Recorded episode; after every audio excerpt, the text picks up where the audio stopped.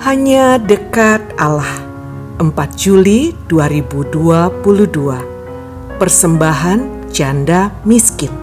Lukas 21 ayat 1 sampai 4 Kisah seorang janda miskin yang memberikan persembahan di bait Allah masih berkumandang hingga kini. Lukas memang tidak menyatakan dengan jelas siapa namanya. Namun apa yang dilakukannya unik Begitu uniknya hingga Yesus sendiri memujinya karena dia memberi persembahan bukan dari kelebihan, namun dari kekurangannya. Bagi janda tersebut ibadah bukanlah hobi, pengisi waktu luang atau sekadar pemuas emosi. Tidak. Bagi janda tersebut, ibadah merupakan laku diri.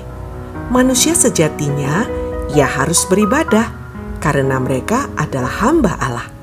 Kalau manusia tidak mau beribadah, ya aneh, sebab mereka mengingkari keberadaan mereka sebagai hamba Allah. Dan sebagai hamba Allah, janda itu tidak membutuhkan pujian. Apa yang dilakukannya merupakan buah dari penghayatan dirinya sebagai hamba. Karena itulah dia mempersembahkan apa yang dimilikinya. Mempersembahkan berarti dia memberikannya dalam sikap hati yang menyembah. Mungkin saja ada orang mencibir perbuatan janda itu. Bisa saja mereka berkata, "Miskin kok sombong?" Ya, bisa jadi ada orang yang berbuat demikian. Namun, sekali lagi, ibadah baginya bukan untuk mencari pujian. Baginya, ibadah bukanlah hobi. Jadi, dia tidak merasa terluka seandainya ada orang yang mencemoohnya, karena sekali lagi dia tidak mencari pujian. Dia melakukannya karena dia harus melakukannya. Dia melakukannya dengan tulus tanpa pamrih. Sekali lagi, karena dia memahami bahwa hakikat manusia itu beribadah. Ya, ibadah sebagai laku diri. Janda itu berbuat demikian karena dia meyakini bahwa apa yang ada padanya, bahkan hidupnya sendiri, merupakan karunia Allah.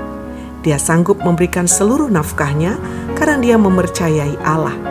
Dia menyerahkan dirinya secara total kepada pemeliharaan ilahi. Dia berani memberikan apa yang ada padanya karena dia telah merasakan pemeliharaan Allah dan percaya akan merasakannya terus. Tak heran dia mampu mempersembahkan semua yang ada padanya. Mempercayakan diri memang bukan persoalan sederhana. Banyak orang khawatir akan masa depannya. Mereka lupa bahwa Allah lah penguasa. Waktu kemarin, kini, dan esok. Salam semangat dari kami literatur perkantas nasional, sahabat Anda bertumbuh.